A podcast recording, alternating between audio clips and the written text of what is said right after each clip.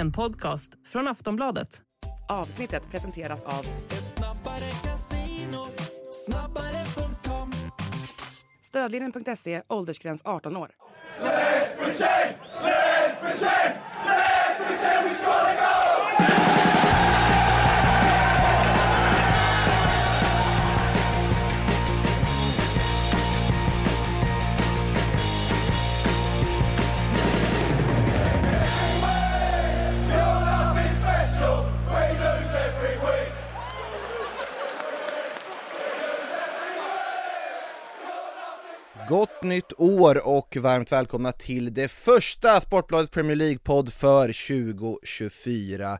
Makoto Asara heter jag som sitter här bakom mikrofonen i Stockholm och med på sedvanlig ordning från London, Frida Fagerlund. Eh, gott nytt år på dig! Gott nytt år! Hur står det till där borta i England? Jo tack, det är fint. Det har ju varit mycket fotboll, men det känns som att jag säger det i varenda avsnitt. Eh, men nu blir det ju ändå ja det blir inte mindre fotboll, men det blir lite mindre Premier League-matcher i alla fall framöver. Men eh, ja, de avslutade ju med dunder och brak här i alla fall i eh, Liverpool mot Newcastle får man säga. Ja, ska vi gå rakt på den eh, direkt ja, här det. utan krusiduller? Vad, vad hade de i XG Liverpool? 7,5 eller något sånt där? 7, helt... Jag har sett både 7,27 och 7,11 men det är ju hur som helst helt galet. det finns ju inte. Det finns 30, inte. 34 avslut, 9 registrerade stora chanser. Eh, ja, att, eh, att de inte dödade den här matchen tidigare var ju ett under, men det gjorde ju samtidigt matchen ännu mer underhållande. Ja, det var väl en, eh, kan Darwin Nunez ha stått för typ tre eller fyra av de där XG under de första timmen han hade på planen. Jösses vilka lägen han, eh, han kom till i den här matchen och ja, det satt ändå långt inne för Liverpool trots att det inte borde ha gjort det Frida. Ja, nej men precis, det gjorde det ju. Eh, de startade ju i ett rasande tempo och Newcastle hade ju ingenting att sätta emot.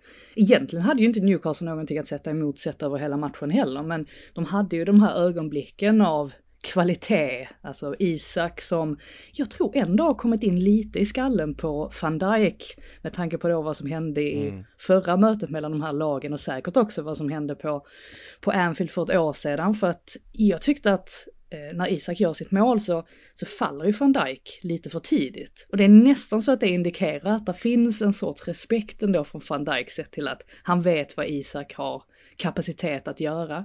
Eh, men ja, trots det så får man ju ändå konstatera att Liverpool vann den här matchen fullt rättvist. Ja, vi har ju pratat om deras offensiva bredd förut, de har mycket alternativ och det syntes ju här om inte annat när man då ändå gör byten som i alla fall jag reagerade på att man tar ut Darwin Nunez och Luis Diaz vid ställningen 1-1. Men båda tycker ändå absolut, Darwin brände mycket men han skapar ju också ofantligt mycket eh, i spelet och så vidare i, i chansväg. Och sen att man byter ut dem, men då kommer Gakpo in, då kommer Jota in och såklart att det, det ger ju en effekt också för Ja, nej men precis. Och sen i fallet med Darwin så jag vet inte vad det är egentligen, men jag tror väl att han på något sätt får lite panik i de här avslutningslägena för att han vill så himla gärna få in bollen i målet. Och vi har sett honom ha den här, eh, det här lugnet som en striker behöver. Och jag tyckte att han visade det i just mötet med, med Newcastle på St. James's Park. Att där kunde han på något sätt, eh, ja men att han, det var som att han tog ett djupt andetag innan han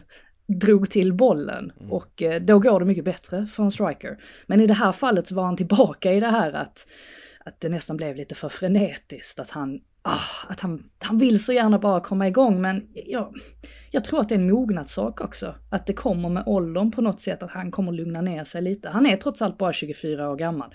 Och förutom det här att han bränner en del chanser så har han ju i princip alla egenskaper som en striker behöver. Ja, alltså framspelningen till eh, Salas 1-0 där var ju otroligt osjälvisk och, och, helt perfekt egentligen i, i det här läget. Han gör ju en väldigt bra match överlag trots alla brända lägen får man ändå säga. Eh, ja, jag vet inte riktigt vad man ska gå vidare i den här matchen, det är så många olika saker att ta upp. Du nämnde ju Isak, eh, förarbetet från Gordon ska ju inte underskattas heller när han helt bara lurar bort eh, försvararen och spelar fram där. Och den, det målet kändes ju också verkligen så här, för då hade vi haft väldigt många Darwin missade chanser innan, sen får Isak en chans, slår till på det här sättet. Det kändes verkligen som en sorts statement från Isak också att liksom han har den här extremt höga kvaliteten, att han kan sätta de där lägena väl när han får dem. Eh, mm. sen hjälpte inte det så mycket mot uh, Liverpool i slutändan här. Uh, men ja, det är mycket att fundera på för Klopp säkert i laguttagningarna här när, när Salah drar till Afrikanska mästerskapen också. Ja, för att han är ju ovärderlig på något vis, till och med när han missar en straff. Eller till och med när han har en dålig match, vilket han såklart inte hade under, under gårdagen. Men till och med när han gör en liten sämre insats så står han ändå för de här viktiga målen i slutändan. Mm. Så att det blir jättesvårt att ersätta honom. Sen har de ju den här fina bredden ändå i offensiven, att de kan sätta in spelare som kan göra skillnad. Och viktigt nu att ha fått tillbaka Diogo Jota också mm. från skada och ja, jag tyckte man såg också att när, hur bra ändå än har varit de senaste veckorna, alltså hur mycket han än har steppat upp så mm. när McAllister kommer in så, så ser man att det blir på något sätt ytterligare en dimension i det kreativa spelet också så att de har, de har mycket att ta av men det är klart att det kommer vara ett, ett avbräck för Liverpool att bli av med Salah. Ja, vi har ju pratat om att Salah haft lite sämre form på sista tiden, men det är fortfarande en spelare som är i delad skytteligaledning, delad ledning i assistligan, ensam ledning i poängligan, eh, som har klivit fram ändå och gör i den här matchen 2 plus 1 fast han har bränt en straff. Och det säger väl en del om hur viktig han är och att han sätter i de där lägena när han får dem också och gör, gör saker som, som gör att Liverpool just nu då går till serie, eller går till vad heter det, vinteruppehåll här i serieledning, eh, vilket de ju gör. Eh, ja, Klopp hittar sin vigselring också. Det var ju skönt. Ja, jösses, var det kameramannen som hittade den? Det är frågan. Det såg nästan ut så, som ja. att det var han som hade snappat upp den. Det blev ju ett jättebra klipp hur som helst för Sky ja. att lägga ut på sociala medier. Eh, jag tänkte bara en liten shoutout också mm. till eh, Martin Dubravka som hade en enastående match får man säga. Eh, trots då att de eh, förlorar med eh, 2-4. Han, han var som en vägg. De, de blev ju tvungna att verkligen spela runt honom för att få in bollen. Det sa mycket om hans prestation i den matchen. Alltså han släpper in fyra mål och är ändå fullkomligt briljant och det säger väl allting egentligen. Och, ja, återigen, alltså över 7 i XG är Ja men det finns ju inte. Det, jag vet inte om vi har sett det ens förut i liksom Premier League-sammanhang. Nej det är rekord i ja. Premier League, tror jag. Ja, det är helt makalös insats från, från Liverpool som gör att de då som sagt behåller serieledningen. Och jag ser, sen vi eh, Premier League-poddade senast så har det ju hänt en del, inte möjligtvis då i Liverpools fall, men det är ju ett lag som också var med där uppe i toppen som vi ändå hyllade som ganska formstarkt och igång då, som sedan dess har på något sätt genomgått en liten eh, minikris och minikollaps. Du, du var ju på plats på Craven Cottage eh, på nyårsafton när Arsenal åkte för att möta Fulham. Då hade de alltså en förlust hemma mot West Ham i ryggen också eh, och eh, skulle sätta tillbaka, men det gjorde de inte. Nej, väldigt intressant vecka för Arsenal mm. för att jag gick från att i stort sett beskriva dem som, ja, nej men efter de här mötena med Brighton och Liverpool så tyckte jag att de kändes starkast i, i Premier League. Då hade vi ju inte sett Man City i action förutom i klubblags-VM på mm. ett tag, så att det kan väl också ha förklarat det kanske, men nej men det mesta kändes stabilt och även om de har ju den här tendensen av att inte vara speciellt effektiva och sett till, alltså jämför man siffrorna från förra säsongen så gör deras spelare mindre eller färre mål jämfört med förra säsongen. Så att de har ju det över sig på något sätt som ett frågetecken. Men att det skulle bli så här illa, det, det såg jag inte riktigt komma. Eh, jag tycker också att förlusterna mot West Ham då respektive Fulham här att de är väldigt olika sett till att mötet med Fulham, eller mötet med West Ham hade man kunnat vinna det, jag tyckte att man inledde den första halvleken bra och sen man, om man avslutade den första halvleken väldigt bra också. Men så släpper man in det här målet då, eh, som är väldigt onödigt får man säga där. Bollen just studsar på, eh, det är väl Gabriel som ska rensa och sen så studsar den på sin Sinchenko och sen så är den kanske precis över linjen, över kortlinjen, det vet vi inte. Eh, vi hade ju inte tillräckligt bra kameravinklar för att kunna se det, men det gick inte att döma bort målet i alla fall och West Ham får 1-0 upp och sen så kommer Mavropanos av alla spelare och, och stänker in det andra där när Arsenal på något sätt ska få till en forcering och, och utjämna. Så att eh, den matchen var, var en sak, men prestationen på Craven Cottage var ju fullständigt undermålig. Mm. Visst, man får in det här målet efter fem minuter, vilket gjorde att man kände att ja, okej, okay, men det kommer att bli en sån match där Arsenal bara kommer att ta full kontroll och de får äntligen in bollen i målet. Men efter det första målet så är det som att de på något sätt bara faller ihop helt. De kan inte alls matcha sig med Fulhams aggressivitet och Fulham är ju ett sånt lag också, de backar ju inte hem, de, de trycker ju på, de blir modigare av en sån av en sån incident i en match, det här med att de släpper in mål, alltså då, då ser de till att gå för det. Och nej, de kunde inte hantera Palinja, de kunde inte hantera Kenny, att han droppade ner och slog de här bollarna mot, eh, mot ytterbackarna som kom löpande. Eh, och eh, ja, nej, då slutar det också med en 2-1 förlust. Så att det resultatet var inte speciellt förvånande sett till då om man följde matchen, men eh, det är ju inget bra sätt för Arsenal att, att avsluta 2023 på. Det, det väcker ju onekligen frågor inför fortsättningen och huruvida de faktiskt kan vara med och utmana om titeln. Men det, det kändes ju ihåligt, det var närmare 3 ett stundtal. Det kändes som att det var farligt varenda gång Fulham dök upp i en omställning också i det här läget de hade 2-1. Och sen eh, kan vi konstatera, Jakub Kivior är inte en vänsterback. Eh, det tyckte jag man kunde kan slå fast också. Eh, även om man har använt ja, det, det, det är väl nästan Ja, det är väl nästan mer ändå att han, han är inte så bekväm i den här rollen där han måste kliva in som en central mittfältare och det är vitalt för att Arsenal mm. ska kunna bygga sina uppspel. Och han gjorde det ju vid ett x antal tillfällen, mm. men jag tycker inte att han gjorde det tillräckligt ofta. Och det kan också ha inverkat på, tror jag, alltså att Arsenal kanske inte var tillräckligt kompakta eh, i vissa stunder, att de helt enkelt inte var tillräckligt strukturerade mm. just av den anledningen. Ehm, men, och sen så kommer Tomiyasu in som ju precis kommer tillbaka från skada. Han ja. såg också ringrostig ut får man säga. Så att det var, det var mycket som inte stämde och Arteta han försökte ju, han kastade in Jesus och småningom som inledde på bänken och skulle spela med både Enketia och Jesus. Och det fanns ingenting som, eh, ingenting fungerade. Han fick inte ut så mycket av sina taktiska byten heller. Eh, och för, för första gången ändå, faktiskt, den här säsongen så satt jag och tänkte att här hade man behövt en Granit Xhaka. För att säga vad man vill om honom, men mm. om det är någonting Granit Xhaka alltid gjorde så var det att kliva in hårt i, i varenda tackling, varenda duell. Och det var det Fulham gjorde här på något sätt. Och jag tyckte faktiskt att Arsenal saknade den fysiken just. Eh, det är mycket som kan förklaras med taktik och formation och så vidare. Men ibland handlar det också i slutändan om inställning. Och Fulham-spelarna hade helt rätt attityd i den här matchen.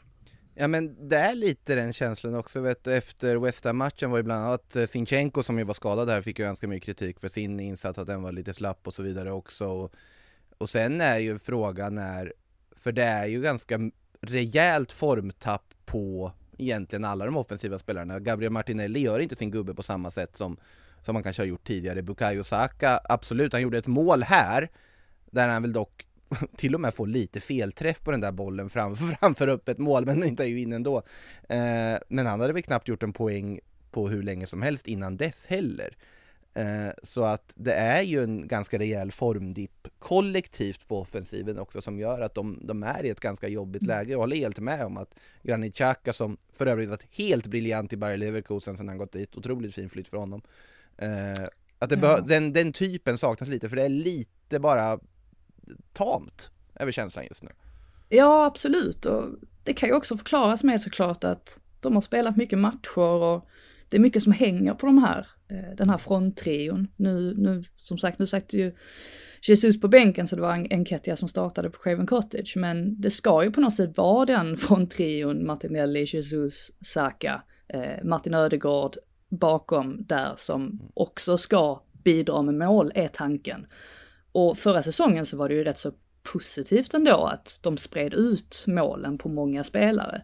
Men samtidigt så såg man ju också att det är någonting som fattas, eller det var ju uppenbarligen så eftersom att de föll på målsnöret så att säga, att de saknade möjligtvis den där spelaren som är målgaranti varje gång.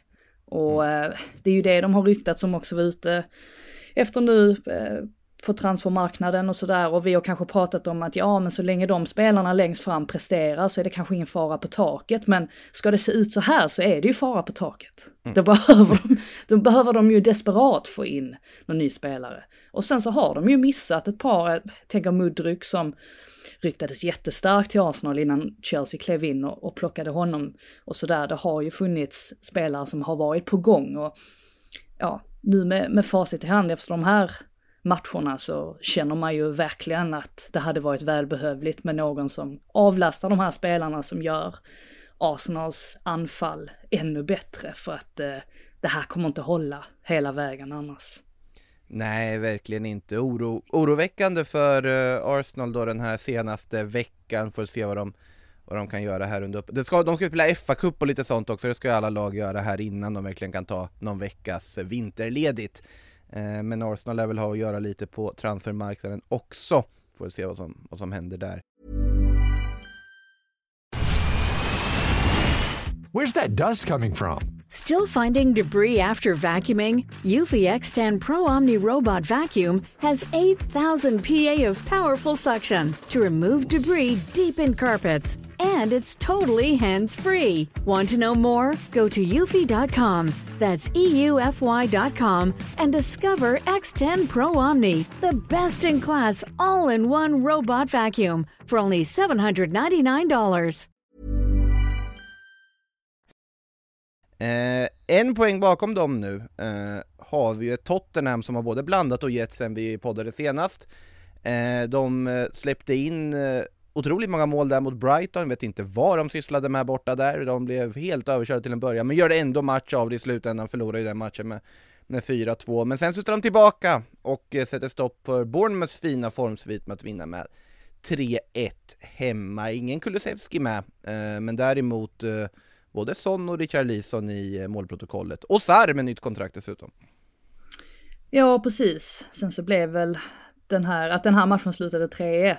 Eh, ja, det, ehm, det trodde man kanske inte när man, eh, om man såg själva matchen. Bournemouth gör det ju faktiskt bra och det är ett sånt lag som man verkligen ska hylla. Jag gillar Iraola jättemycket och tycker att det är kul att han ändå har kommit eh, ja, att, han, att han har kommit in i det så pass väl, för han fick ju så verkligen ett, ett verklighetsuppvaknande där tidigt när de inte riktigt fick till det och sen så växte de in i det så småningom och har ju verkligen ja, men gjort en bra höst här får man säga, en tolfte plats i tabellen. Det är ju det är fullt godkänt med, med tanke på hur det såg ut mm. inledningsvis. Men eh, jag tror att i Tottenhams fall så tänker man nog bort hur det såg ut för att här var det viktiga ändå att få med sig segern just eftersom att man föll så hårt mot Brighton. Nu snyggade de ju, snyggade de ju till de siffrorna mm. Eh, med två sena mål. Annars hade det alltså blivit 4-0 vilket, ja, det hade ju varit en ytterst, eh, ett, ett ytterst otrevligt resultat. Så att eh, för Tottenham var det nog bara viktigt att se till att man fick med sig de här tre poängen. Man ligger på femte plats, man är en poäng efter Arsenal det ser hyfsat bra ut nu trots alla skador då som man har. Ja, alltså, ja, på tal om skador, Bentancourt trodde inte jag var redo att spela än. Han bara dök upp i en startelva från ingenstans. Eh, han skulle vara borta till februari.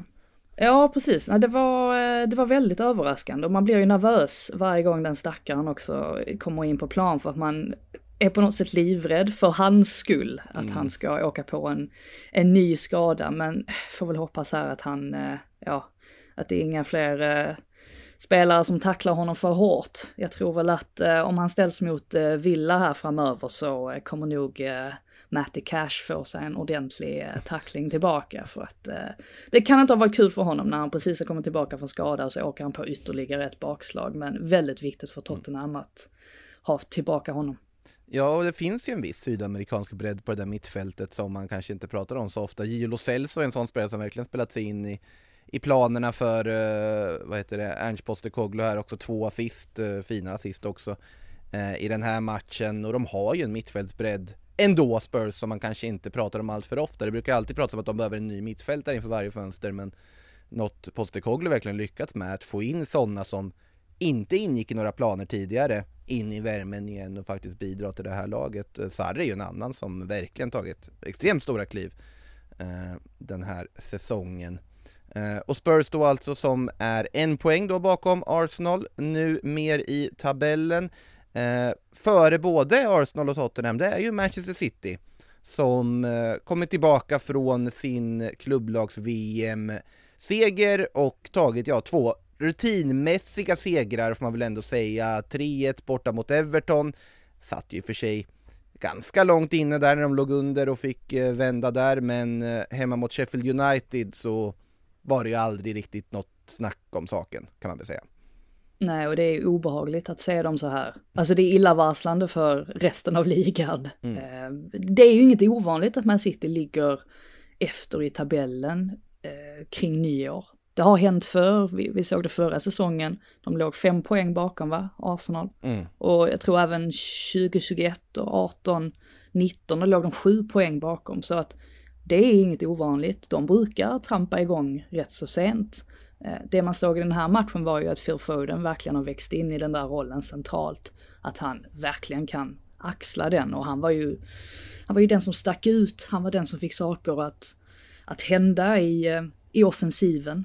Mm. Så att, ehm, ja, de saknar inte Kevin De Bruyne fullt så mycket i alla fall när han levererar på det sättet. Men eh, nej, med det sagt så men City, jag kan inte säga att de kommer bli sämre. De, de kommer bara växa och sen får de tillbaka spelare och ja, de kommer bli tuffa att slå i, i slutändan.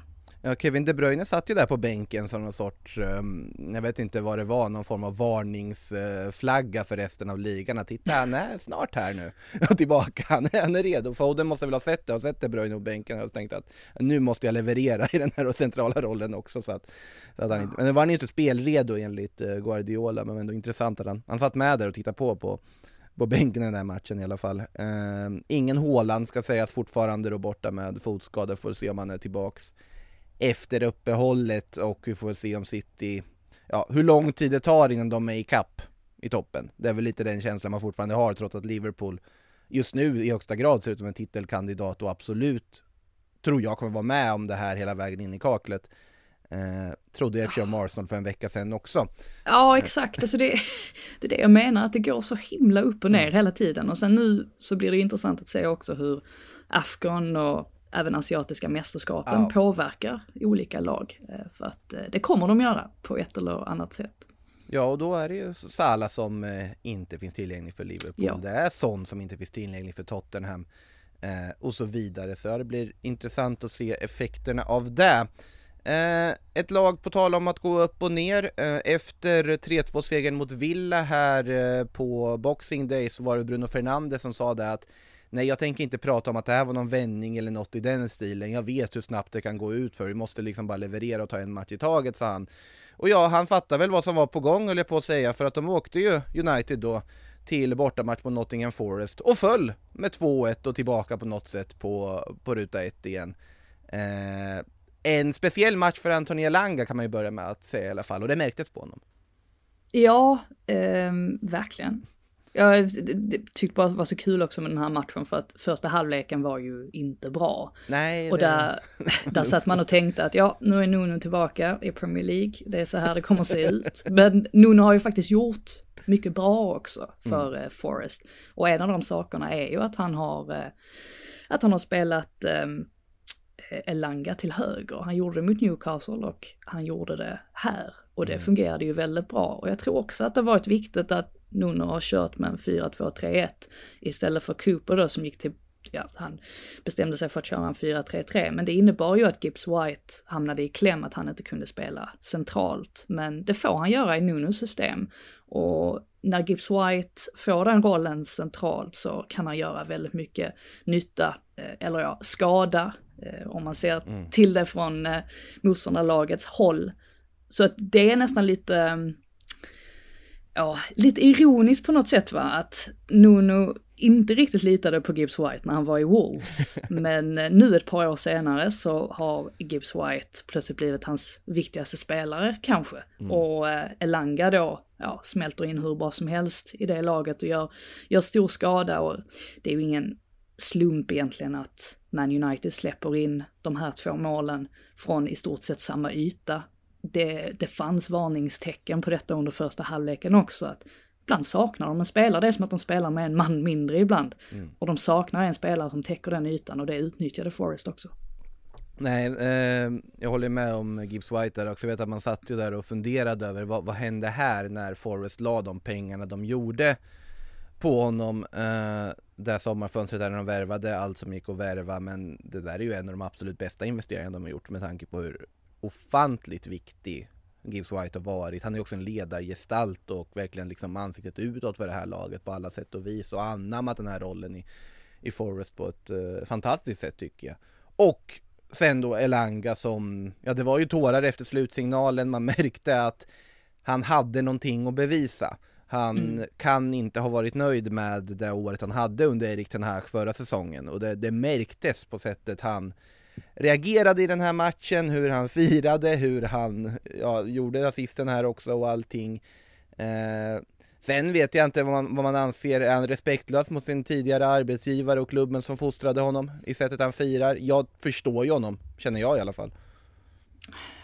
Ja, nu är det ju lite speciellt ändå för att han var ju väldigt länge i Man United. Ja. Eller, Man United har ju verkligen fostrat honom från, från en ung ålder. Men sen samtidigt så jag kan också förstå att det, det är en tuff bransch och det mm. kan inte vara lätt ändå att spela i en stor klubb som Man United. Och det måste ha varit en enorm lättnad som flög genom hela kroppen för honom när han, ja men det här var kanske det ultimata beviset han behövde på att han mm. är på rätt, rätt väg i sin karriär, att han kunde visa det här mot, mot sin gamla klubb. Så att eh, nej, jag har inte så mycket till över, så jag har väl inte sett så många Man United-supportrar vara irriterade över över det heller. Eh, han hade väl säkert gärna varit kvar i Man United, men han fick ju inte chanser heller, så att då blev han ju tvungen att lämna. När de valde att ge bland annat Antoni chansen istället, en annan Antoni då i, i United som inte heller hittade rätt när han fick chansen från start här. Rashford tillbaka centralt, absolut han gjorde ett mål men eh, såg vi ganska mycket piggare ut i mötet mot Villa.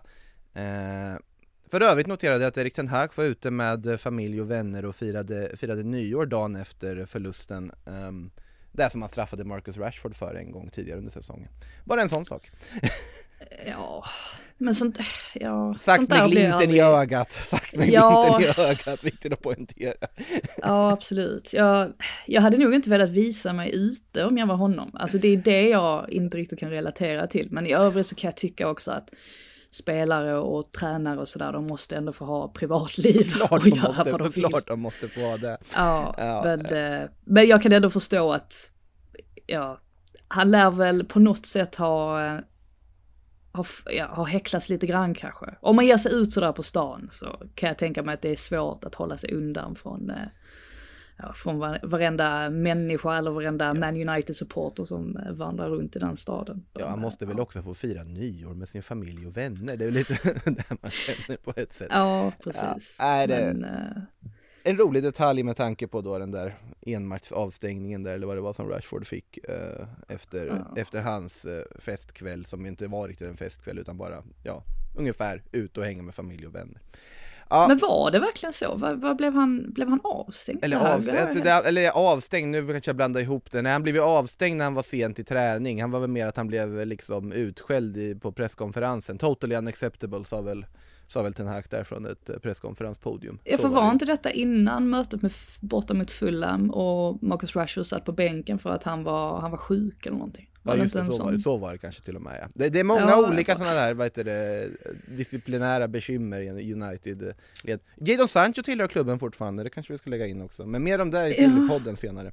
Jag tänkte bara lägga till en grej innan vi går vidare, ja. um, som Danuno, ja ett problem som man måste ta tag i, mm. och det är ju Matt Turner i, eh, i mål, för att uh, han kan vi konstatera att han, han håller inte. Eh, och det, man har sett spår av det under de senaste månaderna, egentligen hela hösten, men eh, här orsakar han återigen ett mål helt på egen hand. Och eh, ja, till och med när han gör bra räddningar så ser det osäkert ut. Fråga mig inte hur det går till. Men eh, någon har definitivt någonting att fundera över där i alla fall, på målvaktssidan. Men det borde inte vara så mycket att fundera på med tanke på att de har en viss eh, Odysseas Vlachodimos Ja. på bänken. Han har över 200 matcher i Benfica, han fick chansen ett tag, han värvades i somras. Sätt in honom bara! Ja, sen har ju inte han heller övertygat. Och det måste ju uppenbarligen vara så att Nuno som själv är gammal målvakt, så han borde kunna sina ja, grejer. verkligen. Han måste ju ha sett någonting hos honom som han känner att, nej, honom litar jag inte på heller. Jag litar på Matt Turner mer än jag litar på honom. Eh, vilket ju, ja, är obegripligt egentligen. Men eh, nej, det är definitivt en nöt han måste, måste knäcka i alla fall. För att eh, det, det kommer inte hålla i längden att ha en målvakt som står för så många misstag. Nej, jag säger spela Vlachodimos i sånt fall som sagt, även om han inte såg jättesäker ut i dem. De matcher han hittills har fått göra i, i Forest-tröjan, men du har ju värvat honom av en anledning. Nu var det inte Nuno som värvade honom, men ändå. Say hello to a new era of mental health care. Cerebral is here to help you achieve your mental wellness goals with professional therapy and medication management support. 100% online. You'll experience the all new Cerebral Way, an innovative approach to mental wellness designed around you. You'll get a personalized treatment plan from a therapist, prescriber, or both in a safe and judgment free space. Your cerebral therapist or prescriber will outline a customized plan with clear milestones along the way so you can get to feeling your best. With Cerebral, you're not alone in your mental health journey. We're here to empower you to live a fulfilling life. So take that first step towards a brighter future and sign up today at cerebral.com slash podcast and use code ACAST to get 15% off your first month. Offer only valid on monthly plans. Other exclusions may apply. Offer ends July 31st, 2024. See site for details. Ett lag som studsade tillbaka från eh, matchen, just den här matchen mellan United och Aston Villa som spelades på Boxing Day, det var ju just Aston Villa för att de eh, behövde ju säkert en seger här då eh, för att komma på rätt köl igen och det fick de sent om sidor hemma mot Burnley även om det satt väldigt, väldigt långt inne. Eller hur Frida? Ja, precis. Nu fick jag fick verkligen tänka nu för att det var så, det känns som att det var så länge sedan vissa av de här matcherna spelades. Men just det, ja. Ja, de mötte eh, Burnley 3-2. hemma, 3-2. Sander Berge rött kort, eller två gula kort, utvisning. Eh, Company var rätt så upprörd efteråt över diverse domslut och sådär. Eh, det man kan säga om Villa, det är väl egentligen att de behövde det här minst sagt efter eh, förlusten mot Man United som de ju slarvar bort. De leder med 2-0 och sen så är det som att de har ingenting att sätta emot Man United som bara sprang sönder dem. Eh, I den här matchen så är det väl på något sätt återigen Watkins som blir stjärnan för att han Ja men dels det här med att han landar på två assist blev det väl till slut. Eh, och också det här att, alltså hela hans rörelsemönster, ehm, ja men hur han öppnar upp ytor för sina medspelare, hans eh, passningar i avgörande lägen då exempelvis till Leon Baileys mål.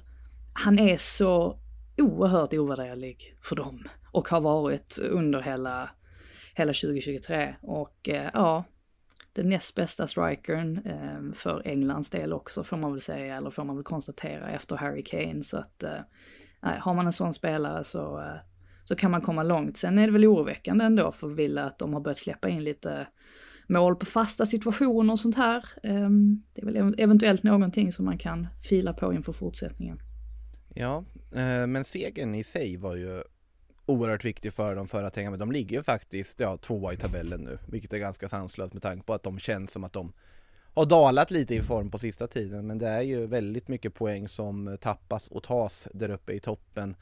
Eh, vilket har gjort att Liverpool har gjort ett litet miniryck får man väl ändå säga här under eh, slutspurten av 2023 och början av 2024. Eh, ett lag som kommit igång, eh, också vann med 3-2 där dagen före nyårsafton, det är Chelsea. Eh, jag vet inte riktigt så här. till en början kändes det som att det här är precis vad Chelsea behöver, en lugn seger, leder med 3-0, Cole Palmer har varit alldeles briljant, Noni Madueke, äntligen chansen från start och verkligen tar den. Och sen så blir det ju drama av alltihopa ändå på Kenilworth Road. Uh, och Thiago Silva var arg. Och uh, Chelsea-fansen får liksom lämna den här matchen med någon form av bitter eftersmak ändå, men trots allt, de får ändå segern. Ja men precis, de får ändå segern. Eh, det är väl det på då, det är ju det som Chelsea får ta med sig från eh, den här matchen. Visst, Luton hamnar på ett högt expected goals på typ 2,53 kontra Chelseas då 1,50. Men eh, förutom den här perioden mot slutet så hade ju Chelsea full kontroll över det här. Någonting som jag blev irriterad över, mm. måste jag säga, det är att, och det är säkert också för att det är Luton, det kanske inte är så många som följer deras matcher Eh, jättenoggrant.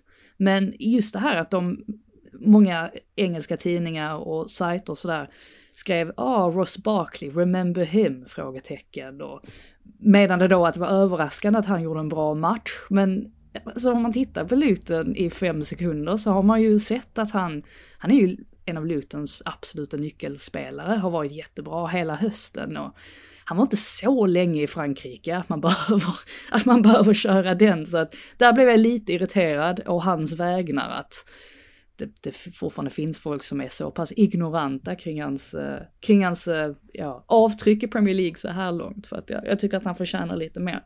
Men med det sagt så eh, är det som du var inne på där med Cole Palmer att jag menar, ja, de amerikanska ägarna de har gjort mycket investeringar, de har eh, eh, spenderat mycket pengar, men pengarna man la på Colin Palmer är ju definitivt de bäst spenderade. Han, han har allt, han har blicken, han har intelligensen, han har avslutningsförmåga. Och eh, ja, med tanke på att nu Madueke också har kommit igång så så ser det ju inte fy skam ut för, för Chelseas del, även om det då blev onödigt spännande där mot slutet. Men Luton är tuffa att möta också på Kenilworth Road. Man undrar ju vad eh, Pep tänker när han ser eh, Cole Palmer göra det han gör just nu. Om Pep faktiskt såg den här potentialen som ingen annan av oss hade sett innan, eller vi har inte fått chansen att se den riktigt i alla fall.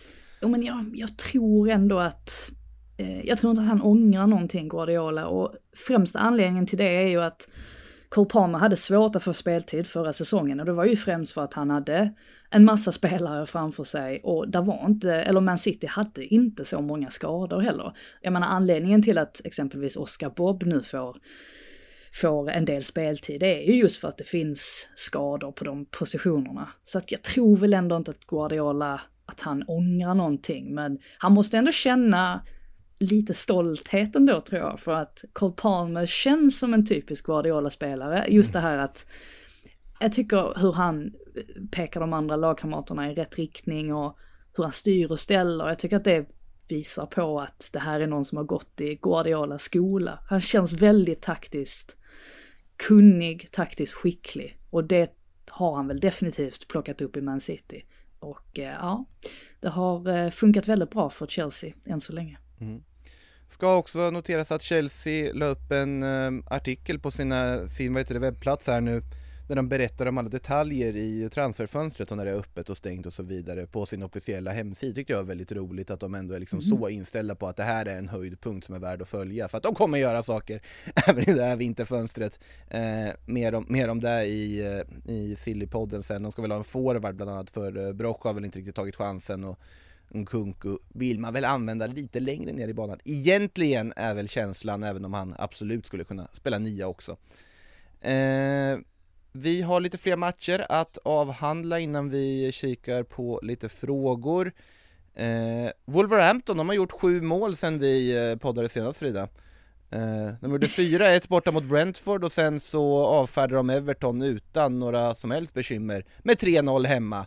Eh, Gary O'Neill han har prickat rätt med eh, sitt Wolves, får man väl ändå säga. Ja, det har gått bra nu. Det har sett väldigt mm. bra ut ända sedan julafton.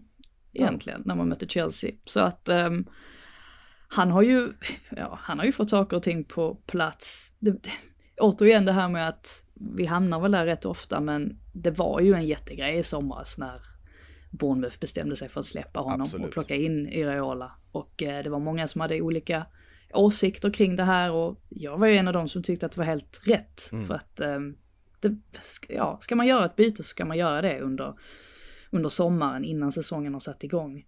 Um, men, med, men med det sagt så har ju, har ju Gary O'Neill gjort ett bra arbete i Wolves och uh, det där var ju en sån klubb som jag trodde skulle ligga i, uh, ja men var riskera att flyttas ned för att, eller ligga där nere i botten i alla fall just för att, ja men det, det kändes lite tröttkört och Lopetegui, vi visste om att han hade sina kontroverser med ledningen och eh, de senaste säsongerna har de inte gjort tillräckligt, tillräckligt mycket mål, men eh, det är ju uppenbarligen en sån grej som eh, som Wolves faktiskt har fått ordning på, eller som O'Neill har fått ordning på under hösten. De gör fler mål nu och då går det oftast bättre.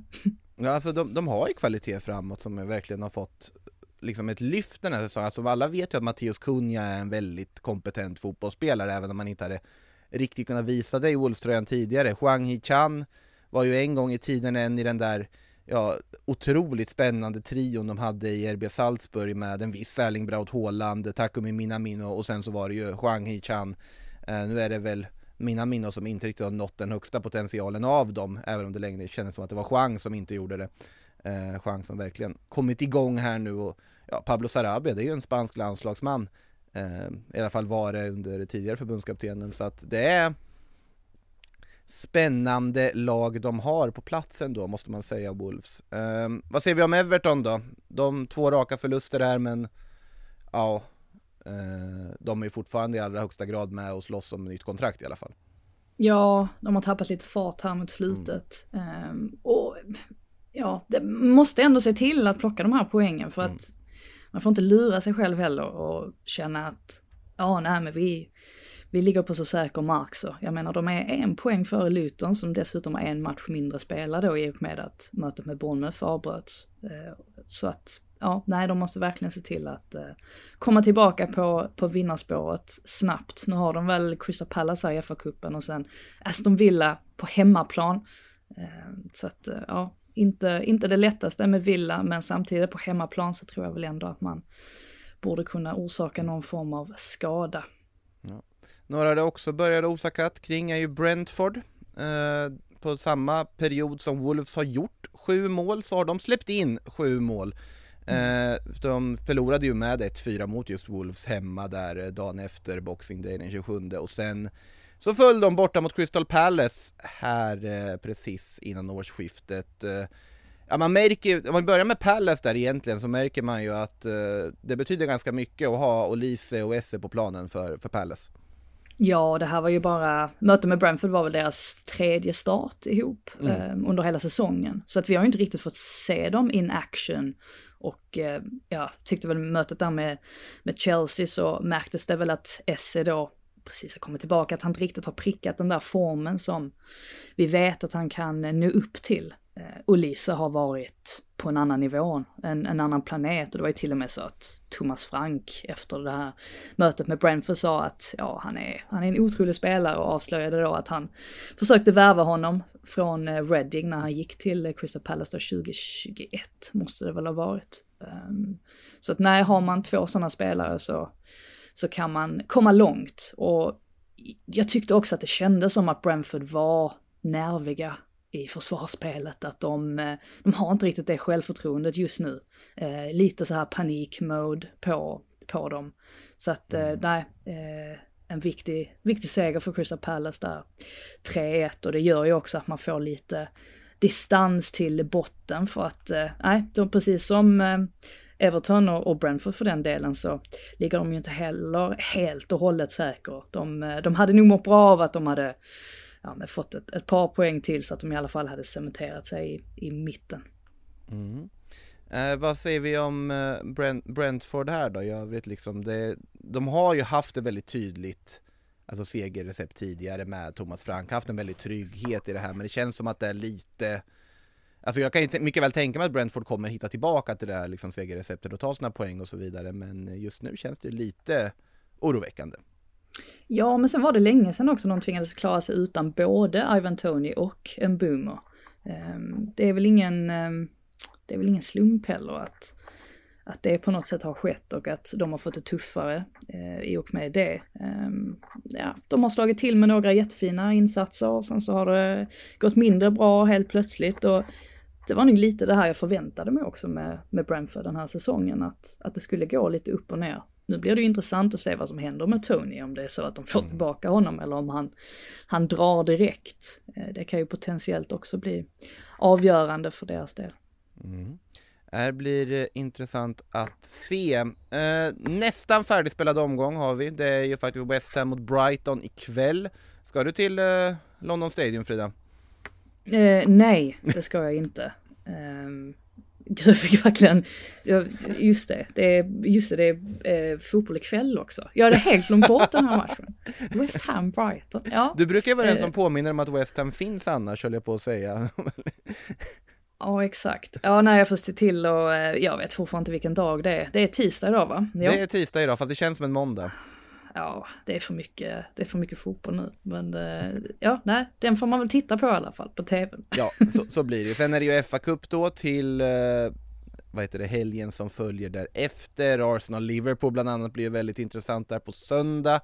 Eh, och sen ett United som ska möta Wigan på bortaplan på måndag faktiskt i, i kuppen också. Få se hur man kan hantera den uppgiften. Bland annat har vi och sen så är det ju Premier League och så vidare längre fram. Sunderland Newcastle blir också otroligt intressant i eh, på, på lördag där i FA-cupen. Det är ju ett klassiskt rivalmöte som vi inte fått se på, på ganska länge.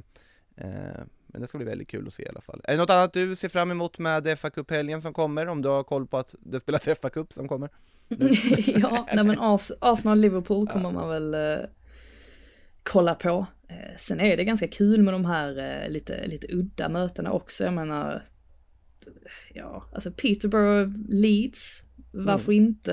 Eh, Mm. Varför inte? West, West Brom Aldershot Town, ja där har jag varit faktiskt. I Aldershot? Deras, Ja, Jag vet inte ens vilken del av landet det ligger i om man ska vara helt ärlig. ja södra. Eh, Men den, den är faktiskt rätt så trevlig, nej är den så trevlig den anläggningen? Jo men det var det var lite skumt för att det ligger precis bredvid ett uh, buddhistiskt tempel. Jaha. ja, väldigt märkligt. Men eh, om jag inte blandar ihop det nu med någonting annat, men det tror jag inte. Eh, så att nej, det blir väl kul att följa de matcherna också, eller lag som man kanske inte ser sådär väldigt ofta. Otroligt fin. Nu vet inte jag hur Stoke anno 2024 ser ut, liksom fotbollsfilosofiskt. Men eh, som sagt, en bortamatch mot Stoke för Brighton, eh, det känns ju verkligen som också en så här passande uppgift för Roberto De Cerbis mannar, eh, kan man väl lugnt konstatera. Ja, som, som ni hör, det är eh, fa Cup-helg som stundar alltså. Men först då West Ham Brighton här under tisdagskvällen. Eh, vet du vad Frida, jag tittar här lite på de frågor vi har, eh, lyssnarfrågor och väldigt mycket är ju kopplat till det vinterfönster som i samband med eh, årsskiftet då har öppnat. Eh, mycket har hänt där och mycket är på gång, många klubbar som vill göra saker. Men jag tycker vi sparar de frågorna till eh, Sillypodden vi ska spela in lite senare idag. Ja, det gör vi. Det tycker jag vi gör och konstaterar helt enkelt att PL-podden då är tillbaka nästa vecka igen Eh, med då fa Cup special blir det väl antagligen då med tanke på det som ska spelas i helgen. Eh, men också som sagt, Sillypodden drar igång nu, eh, växlar upp med två avsnitt i veckan här under januarifönstret eh, och ja, vi ska ju spela in ett senare under den här tisdagen också.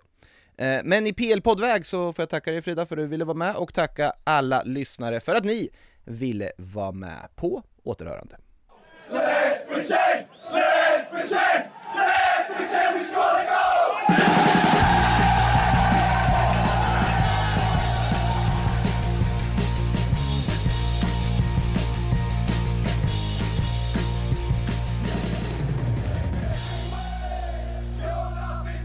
Du har lyssnat på en podcast från Aftonbladet.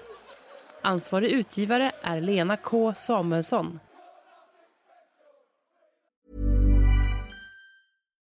Botox Cosmetic, Atobatulinum toxin A, FDA approved for over 20 years. So, talk to your specialist to see if Botox Cosmetic is right for you.